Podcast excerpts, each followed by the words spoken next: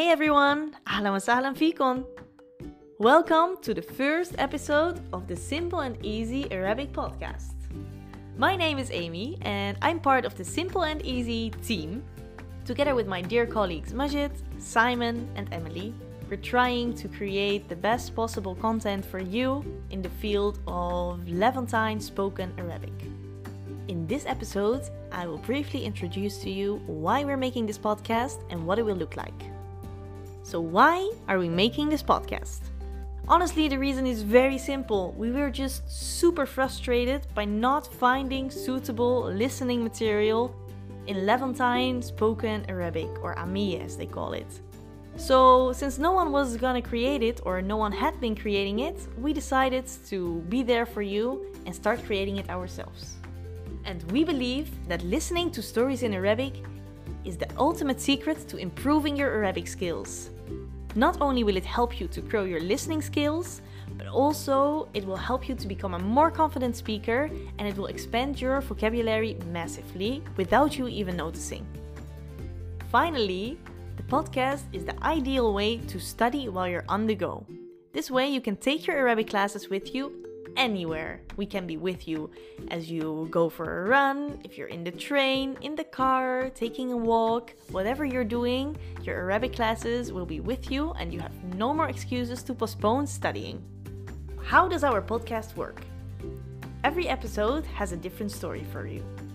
This can be different types of stories inspirational stories, funny stories, historical stories, parables, all types of things. Every episode will start off with a short summary of the story you're about to listen to, and, very important, 10 words that you need in your vocabulary to be able to fully understand the story. Every episode will have different words, so it will expand your vocabulary massively. After this introduction, the real story will start. The story will be told to you by our dear friend and colleague Majid and he will pronounce the words very carefully to make sure you can keep up.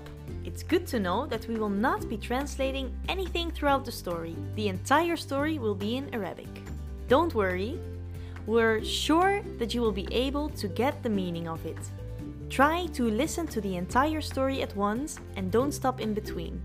If you didn't get parts, get go back to them afterwards and repeat them slowly. After the story, we have prepared some questions for you to help you process the story completely. And we have more good news for you. If you want to make the most out of this learning experience, you can go all the way by joining us on Patreon and finding the transcripts of the podcast there. This will help to improve your reading skills. You can look into the exact spellings and use of the words, the sentence structure, and everything else that you want to know about the stories. You can find us on patreon.com slash simpleandeasyarabic.